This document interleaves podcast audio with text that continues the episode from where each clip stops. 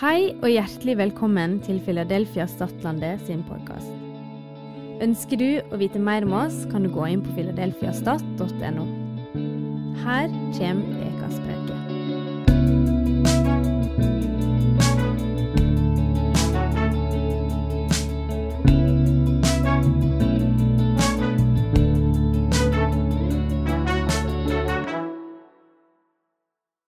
Takk. Tusen takk. Det som Gud har lagt på hjertet mitt i dag, det, det fikk jeg egentlig i natt. Eh, jeg hadde noe som jeg trodde Gud hadde bestemt at jeg skulle ha til denne dagen. Men eh, jeg fikk ikke sove fordi at Gud var veldig på meg. Og jeg må bare si at jeg tror det her er profetisk. For det er, handler nemlig om menighet. Og når vi kom inn her og ser alle ungene, og, og også i helga når vi så de her små føttene for og sprang og Det var bare så deilig og herlig å virkelig få lov å se en menighet med generasjoner. At vi kan virkelig høre de barnestemmer og kan få lov å se ungdom, ikke minst det. Og at vi kan få lov å kjenne generasjonene i menigheten. Så forteller jo bare det meg at det er en veldig sunn menighet. Og vet du hva, Det er det vi trenger å virkelig peke på. Den eh, Sunn åndelighet, men også sunn menighet. Og Det som Gud begynte å prate med meg i natt, det var faktisk menighet. Før, nemlig, i den siste tid, har det blitt såkalt kristne struktur at menigheten ikke er så viktig lenger. Jeg har ikke mot uh, uh, bønnegruppe hjemme i hjemmene og livsgruppe og cellegruppe. Så det må jeg bare få si med en gang. Så det er jeg ingenting imot, og det er bare nydelig og flott. Men det er noe med menigheten. Og det er noe med menighetens struktur og med pastor og lederskap i en menighet. Og det er nesten blitt en sånn fiendtlig bilde av menigheten at husgruppene har tatt over. Jeg har skrevet det i den, boka, den første boka som jeg skrev, og da fikk jeg et syn. Jeg så nemlig det at eh, jeg ble lagt over Bergen by og kom inn i de forskjellige bydelene. Og Da fikk jeg få lov å se en voldsom vekkelse. Og Folk ble frelst, og veldig mange unge ble frelst. Og jeg fryda meg over det. I dette synet der fikk jeg lov å gå i forskjellige bydeler. Og så tenkte jeg de blir jo frelst, men der er jo en menighet. Hvorfor går de ikke opp der? Og så kommer de til neste eh, bydel.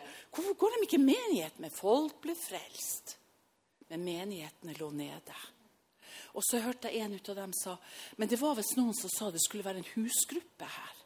Så gikk jeg i ånden over akkurat som en sånn fly til min bydel. Og der så jeg også, der har også vært en menighet, men det var helt stille. Så begynte vi her folkene å gå, og de ble tynnere og tynnere og tynnere. Til slutt så hang klærne og slang på dem. Og så sa Herren, se, det kommer en vekkelse da menigheten skal reise seg i landet. Men det kommer også en tid da Satan går etter menigheten for å radere, som betyr å smuldre fra innersiden. For djevelen er tåhull inni menigheten, så har han fått rett og slett en god krok. Og Gud viste meg det, at de der menneskene der som ble frelst, det var i hopetall. De ringte på dørene til folk og spurte er det her det husmenighet.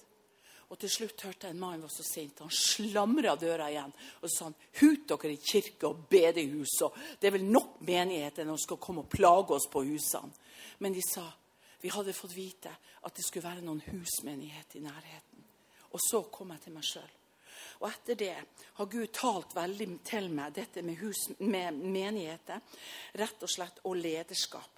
Og Herren han viste meg den lovløse ånden. Og Gud sa også til meg Derfor det blir mye samling av husmenigheter, og at folk begynner å degradere menigheter. Det er fordi de ikke ønsker å være under autoritet. De er autoritetssky, rett og slett. Og Herren viste meg hvordan lovløshetens ånd hadde kommet inn i forsamlingen i Guds hus. Det er en endetidstegn som vi må ta på alvor. Og Derfor sier jeg å få lov å komme her i menigheten, både når vi var i helga i bedehuset og her, så bare kjenner jeg det at Gud bare oppmuntrer meg til å tale om det her. For det er menigheten som er Guds øyensten. Det er i menigheten det foregår med de fem foldige tjenester. Det er i menigheten det skal skje under og tegn. Det er ut ifra menigheten vi skal bli sendt ut. Det er inntil menigheten mennesker skal komme og bli frelst. Så jeg må bare si at Gud sier i Bibelen han satte i menigheten. Og Gud har lovt at Den hellige ånd er kraften i menigheten på, Guds, på grunn av Guds sanne forordninger. I husmenighetene, som jeg har sett hoppa opp i landet de siste ti år. Jeg møtte en dame på flyet. Så sier jeg til henne liksom, hun sa er du kristen. Og jeg sett det på TV. Ja, sier du jo kristen. Ja, hun var kristen. Og jeg ble så glad. Så jeg, hvilken menighet går du i? Og så sa hun jeg går ikke noe menighet. Du skjønner, vi har husmenighet. Ja vel? Så sa jeg, kommer du ufrelst i dag? Mm, nei, men uh, vi, vi, går liksom fra hus til hus. liksom. Vi er fem stykker og sånn. Ja, Men hvem er pastoren der, da? Nei da, en gang er nå jeg pastor, og en gang er nå liksom Vi profeterer nå over hverandre og alt mulig. Men så sa jeg men det er jo ingen menighet. Det står i Bibelen at Gud satte ikke menighet en haug med folk som kunne leke pastor av og til. Så kunne leke de fem foldige tjenestene. For det er noe Gud har satt, det er noe Gud har utrusta menighet til. Og den som blir pastor og leder, han blir utrusta til tjeneste for Gud. Og jeg ble så glad når Laila sa også det. At det er livsgruppe og barnegruppe og alt det her, og at det er bønnegruppe i menighet. At menighet er åpen en gang i uka, der folk kan komme og be. Jeg syns det var så fantastisk, for det er menigheten som skal være åpen. Det er det som skal være et lys på fjell som mennesker skal komme til. Men det er også i menigheten vi kan få pepper, altså utenifra. Men da er vi inn i Guds forordninger. Da kan vi beskytte hverandre for stedet at vi skal gå fra hus til hus i håp om at de har lukket opp. Så jeg må rett og slett gå til meg sjøl først og fremst. Jeg opplevde det å reise rundt omkring i landet. Jeg opplevde det også at det var sånn nonsjalanthet til eh, pastorer og lederskap og det ene med det andre. Og Gud sa til meg Anie, se hvor liten kraft det er. For de har ikke respekt for lederskapet, pastor, bønneledere og dem som Gud har satt i menigheter. Og vet du, Jeg likte ikke å høre det der. der. Av og til når du får ting fra Gud, så tar du under teppet. Jeg vil ikke ha det. Men vet du hva? Den dagen når Gud sa det til meg, fikk jeg et syn. Jeg opplever at jeg er i en stor menighet. Og i den menigheten der var det vekkelse. Og jeg ble bare så overraska. Jeg kommer inn i menigheten og skal liksom entre podiet. Og så måtte jeg gå opp her sånn, heldigvis med et kanskje litt videre skjørt. Og entre podiet her så hører jeg plutselig Herren si til meg, 'Anie, gå bak forhenget.' Så går jeg bak forhenget. Der står Den hellige ånd i en burgunderrød kappe. Og så sa jeg, 'Er du her?' Ja, men du skjønner det, dette er menighet. Og der menigheten er, der er Den hellige ånd. Det står ingen plass i Bibelen der det var husgruppene der var Den hellige ånd. Det var med mennesker Den hellige ånd når, var, når, de, når de kom sammen. og alt det her, Men det var noe helt annet. Og så sa Den hellige ånd i menighet, der det er menighet, der gavene, der alle blir innsatt, der er Den hellige ånd alltid. Alltid.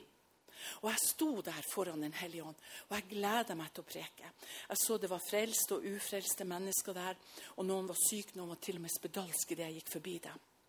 Og jeg bare sa, kjære Jesus, jeg er jo alle slags kategorier av mennesker.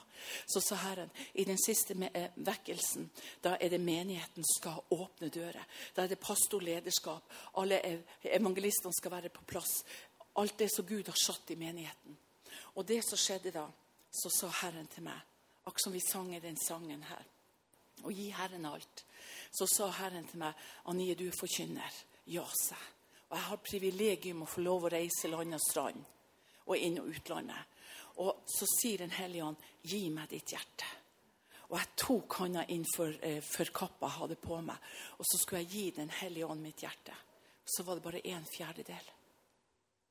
Og jeg ble litt sånn flau og litt overraska, men jeg kunne ikke begynne å unnskylde meg. Så uh, Herren sa til meg, Den hellige ånd, 'Har du ikke mer å tilby?' Så sa jeg nei. Jeg kunne ikke unnskylde meg, jeg kunne ikke si noe. Så sa jeg bare 'uff, det var lite'. Så sa han det. Det er jo bare en fjerdedel. Plutselig så, så jeg på høyre side så jeg to store saltpaller sto der. Så sa jeg, hva er det for noe? Det er Herren. Du skjønner det at, at Og Gud viste meg at den, eh, den, hellige ånd, det er han som er kraften. Det er han som deler ut saltet.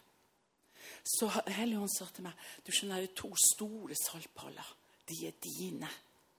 Men du skjønner, siden du bare har en fjerdedel av ditt eh, hjerte du kunne gi meg, så kan du dessverre ikke få alt.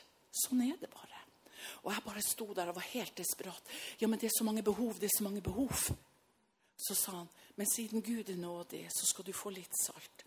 Så fikk jeg salt i min favn, og så begynte jeg, gikk jeg ut på podiet. Men jeg gikk ned til folket. Jeg begynte å be for folket. Jeg ga dem salt, og de ble helbreda, de ble frelst, og de ble gjenoppretta. Og Guds ånd som hadde gitt meg salt, det ble fylt med kraft i de menneskene. Men jeg hadde ikke gått langt på veien ned i den svære salen, for jeg var tom for salt. Jeg hadde en liten saltprikk på min finger, og den tok jeg på tunga. Sånn at jeg skulle få kraft til å gå tilbake til forhenget og omvende meg. Da hører jeg plutselig noen i New Age si ja, vi er kommet hit, for vi fikk ikke den kraften vi håpa på. Noen var syk. Vi har gått til alternativ. Vi er ikke blitt helbreda. Og de sa vi skulle gå inn i menigheten, for der er kraften. Der er Den hellige ånd. Og se, hun hadde ikke mer kraft enn å komme seg tilbake til forhenget. Og da gikk jeg bakom forhenget. Så sa jeg, 'Herre, jeg trenger kraften.' Så sa Gud, 'For jeg er midt i menigheten.' Og mitt folk skal få kraft idet Den hellige ånd kommer over dem. Så sier, så sier Herren, 'Har du mer å tilby?' Og så tok jeg ut hjertet mitt, og det var helt. De fire kamrene de pumpa i handa mi. Så sa han, 'Saltpallene dine.' Så skulle jeg se, så var det Gud Faderen og Jesus som sto der. Det var de som sto der. Det var Jesus som hadde betalt prisen. Det var han som var saltet. Og Gud Faderen, skaperen, den andre. Det var han som hadde skapt himmelen og jord. Og Den hellige ånd, det var han som kunne gi meg denne salten fordi at jeg ga han hele mitt hjerte. Herren sa dette er menighet. Jeg elsker min menighet på jord. Jeg elsker lederskap. Jeg elsker dem jeg har satt inn i. Og men menigheten, altså folket, for å si folk i benkeradene, må begynne å elske lederskapet. Dem som jeg har satt inn i menigheten, må elske bønnelederen, for han står i bresjen. Må elske det som jeg har satt, sånn at nådegavene kan begynne å flyte i menigheten. Og Gud viste meg det kommer en tid da husgruppen eller hus husmenighetene som ikke ville ha lagt seg under autoritet, er også de som kommer til å komme og være avmagra. De kommer til å si har vi ikke helbreda i ditt navn, gjort under og tegn i ditt navn? Så vil Jesus si, vik bak meg, dere som har holdt på med lovløshet. Lovløshet betyr egentlig de som ikke vil legge seg under loven. Og Jesus er endemålet for vår tro. Og når vi legger oss under menighetens beskyttelse, så blir vi som et rov. I store deler i landet har menigheten blitt nedlagt. Husmenigheter har blitt danna, og jeg har blitt invitert til veldig mange husmenigheter. Og jeg spurte Gud hvorfor. Herren sa igjen fordi de ikke vil legge seg under Guds forordning og Guds menighet. Derfor vil de også tape kraften på veien. De vil ikke ha noe å gi, for de har bare gitt en fjerdedel av sitt hjerte. I Apostelens gjerninger 2,42 så står det de holdt urokkelig fast ved apostlenes lære og ved samfunnet, hør her, det som Gud har bestemt, ved brødsbrytelse og ved bønnen. Og Jeg sa også to damer jeg møtte, hvem er apostel? Hvem er det som har starta menighet? Nei, nei, vi ble nå enige om, liksom, enige om det. og liksom, Så sa jeg vi kan bli enige mye. Vi kan altså sikkert være med i Røde Kors og litt diverse. sa jeg å ha en klubb. Så sa han at det er ikke det Bibelen sier. Han satte apostel, en som starta menighet, en som bygger menighet. Han satte profetene, en som hører fra Herren, som kan si ja til apostelen. Jeg blir med deg. Han satte hyrden, en som er sjuk etter å samle folket, alle generasjoner. Han satte lærere. Han satte det. Og tjenestegavene og alle de femfoldige nådegavene og tjenestegavene satte han i menigheten. Det står i Bibelen i Hebreerne 10,25. Og la oss ikke holde oss borte fra menigheten når den samles, som noen har for vane. La oss heller oppmuntre hverandre, og så mye mer som det nærmer seg dagen da Jesus kommer. Når Gud viste meg dette med salt, så sa jeg til Gud jeg må få Guds ord på det. Jeg kan ikke bare få et syn uten at jeg får Guds ord på det. Så ga Gud meg 4. Mosebok 18,9, eh, der det står at alle gavene og alle hellige gavene som skulle gis til Herren ved et offer, skulle saltes med salt. Vi kan ikke gjøre noe uten at Gud gir oss salt. Saltet står for kraft. Hvis saltet mister sin kraft, så har vi ingenting å tilby Gud eller hverandre. Hvis vi går våre egne veier og dingler. Den største saltpakten det er det at Gud satte i menigheten. Jeg føler jeg, får ikke sagt det nok. Jeg snakker på innpust og utpust for å få med meg det som Gud har lagt ned i mitt hjerte. Og ikke bare det, men det skulle gjelde for oss og våre barn og våre etterkommere. At alt skulle bli saltes med salt. I tredje Mosebok og så står det også videre der. Og hvert offer og grødeoffer skulle krydres med salt. Dette skulle være en offergave til Herren. Med andre ord så sier Bibelen offer for Gud, et sønderbrutt hjerte og en sønderknust ånd, vil gjerne Gud ta imot. Han er hele tida på tilbudssida. Men det står også offer for Herren er lepper som priser hans navn. Hvordan kan vi stå og prise Gud hvis vi ikke har et hjerte som er helt med Han? Og jeg må bare si, Lovsangen i helga og i dag er bare nydelig. La virkelig vårt hjerte bli marinert i tilbedelse. La vi virkelig kjenne det at vi spiser salt i lovprisningen.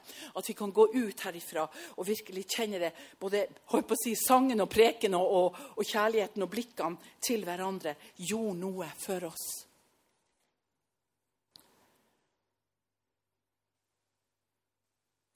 Jeg må bare også si det. Det står et nydelig ord i Bibelen der det står om toppstein om Zakaria så står det at toppsteinen var egentlig den som måtte legges først. Det er Jesus. Og jeg må si, Når man bare har husmenigheter, så har man ikke lagt toppstein. For man ikke har hatt de etterfølgerne som skal være oppå toppstein. Apostelens, profetens lære. Kan man glemme hele greia. Gud er jo la med dem, det er ikke det jeg sier. Men jeg sier at de vil aldri leve på løftene som Gud har gitt til en menighet. Kan de bare glemme. Menigheten er den synlige bygninga, ikke bare i det profane, men i det åndelige. Pastoren sa i går han Vidar, at satanistene herjer og forbanner folk og det ene med det andre. Men over Guds hus kan de ikke gjøre det, fordi at Guds hus er Guds øyensten. Halleluja! Skal vi ikke bli helt ville etter menigheten? Skal vi ikke komme på bønnemøtene om tirsdagene når de møtes, og si Gud, la oss virkelig be for lederskapet. La oss rope for dem. Og jeg må si, jeg har lest, le, eh, reist sammen med pastorer og ledere i mange år før jeg ble forkynner sjøl. Jeg sa til Gud det er et privilegium.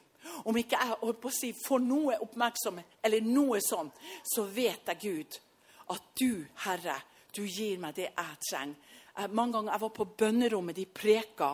En gang så var vi på, i, i, Danmark et sted. Og så eh, var jeg sammen med han Enevald, og vi hadde bedt.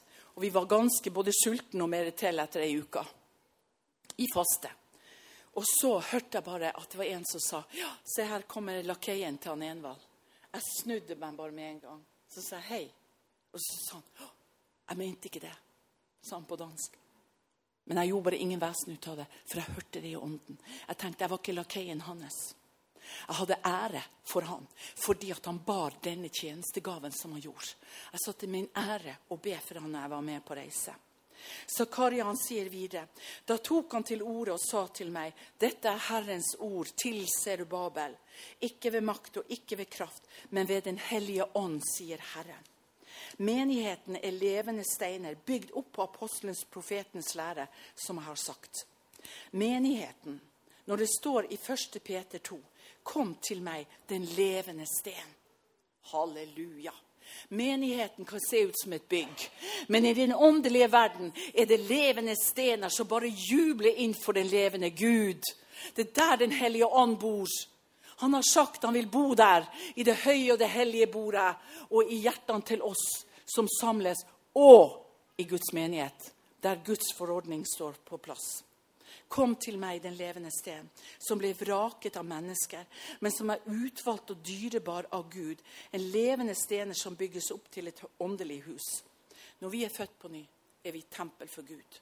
Men vi har også dette som Gud har gitt oss. For det kommer en dag da mennesker må komme ramlende inn, om så.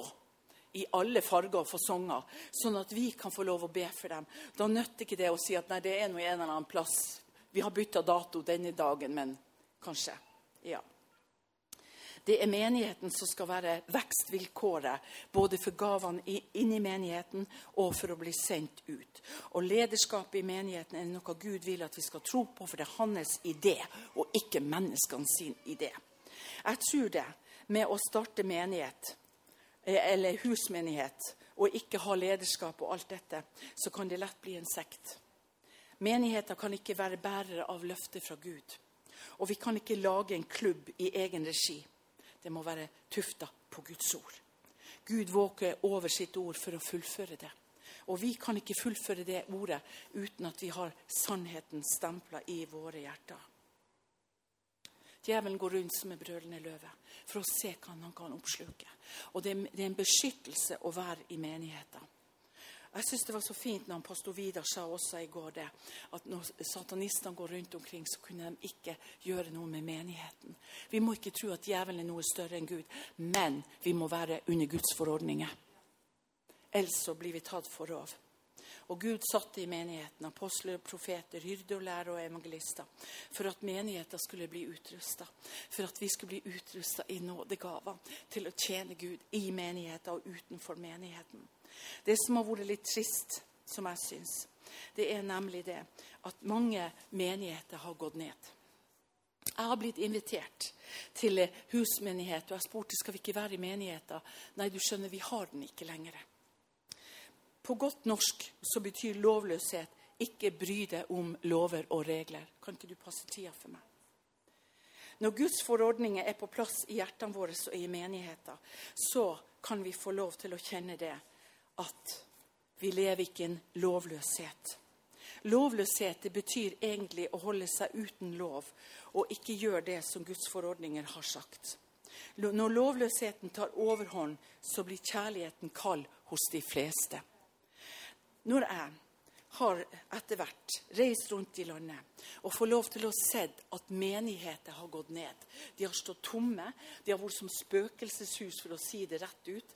Og da har jeg bare tenkt Kjære Jesus, er det ingen som kan flytte i gamle bedehus? Eller de gamle pinsevennene som sto på et hjørne der? Er det ingen? Veronica kom fram. For Veronica så nemlig et syn. Og det er bare så alarmerende. For at jeg var i Skien. Og så sa jeg bare til en av pastorene si meg én ting. Jeg, jeg, fikk så for meg at dere skulle kjøpe det bygget der. Og så sa han ikke si det! Det er blitt muslimsk. Mm. Og når vi ser i dag på, på, Østlandet og rundt omkring og Vestlandet, så er det plutselig kommet et lite spire. Det er ikke kirkespire, det er muslimsk.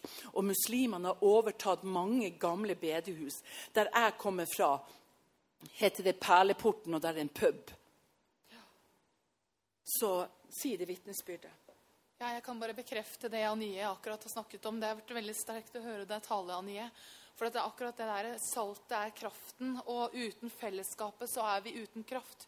Og Gud ga meg et syn, og han viste meg at jeg så norgeskartet. Jeg så Norge. Og jeg så den siste vekkelsen som ville komme over Norge. Og Gud viste meg bare at det var bare spredt over hele Norge, og det var så plutselig og det var så momentant at jeg så mennesker fra alle landsbyer, fra alle byer, fra alle steder. De ble frelst på samme tid. For høsten er moden, men arbeiderne er få. Og jeg så bare at det var en sånn voldsom høst. Og jeg så at denne høsten kom inn med en sånn voldsom inntreden. Og de begynte å banke på dørene i menighetene. De begynte å banke overalt. Men når de banket på dørene i menighetene, så var det plutselig en moské. Det var det plutselig ikke noen menighet lenger. Og jeg så bare at menighetene hadde gått under begrunna splittelse, begrunna sjalusi si. Og det er det fienden vil. Han ønsker å splitte menighetene sånn at fienden kan bruke det. Sånn at, kan, at de rett og slett reiser opp moskeer. Og det er jo det som skjer, at menighetene de velger å selge sine menigheter til eh, muslimer istedenfor å selge det til kristne fordi de har splittelse iblant brødre. Men jeg tror dette er på tide nå at Gud reiser opp sin menighet. At han reiser opp sitt lederskap. At de kan stå tett sammen sammen. At de står opp for en tid som denne, som du sa. At han reiser opp Guds menighet for en tid som denne. Og at det er viktig at vi bare står sammen, for når den neste vekkelsen kommer, så vil vi ikke kunne stå alene. Da vil vi ikke kunne stå i den vekkelsen som kommer. Mm.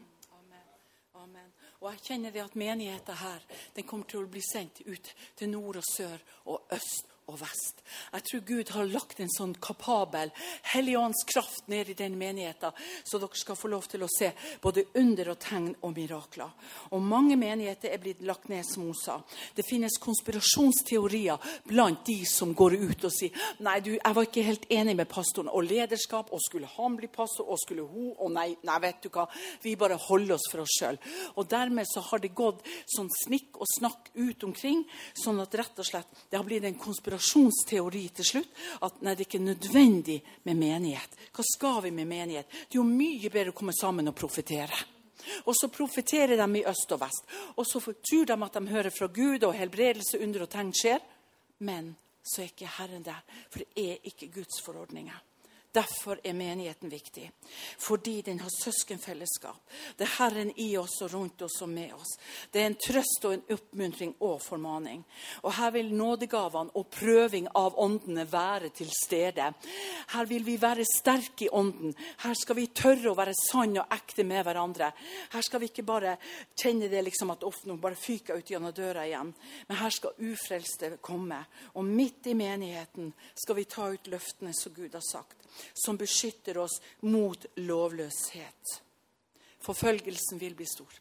Han vil komme mot menigheten. Men da står vi ett i ånden. Vi vet hvem vi er. Vi vet hva vi kan beskytte. Om de drar oss ut eh, med, av håret ut i menigheten, så vet vi det. Vi er under et guddommelig beskyttelse. For vi ærer pastor og lederskap og alt det Gud har satt i menigheten.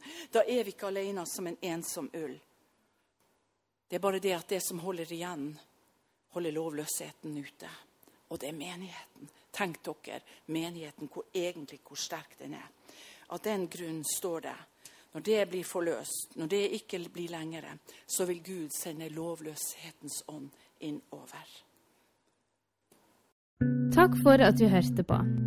Har du spørsmål eller ønsker å koble deg på kirka, ta kontakt på mail eller gjennom vår nettside.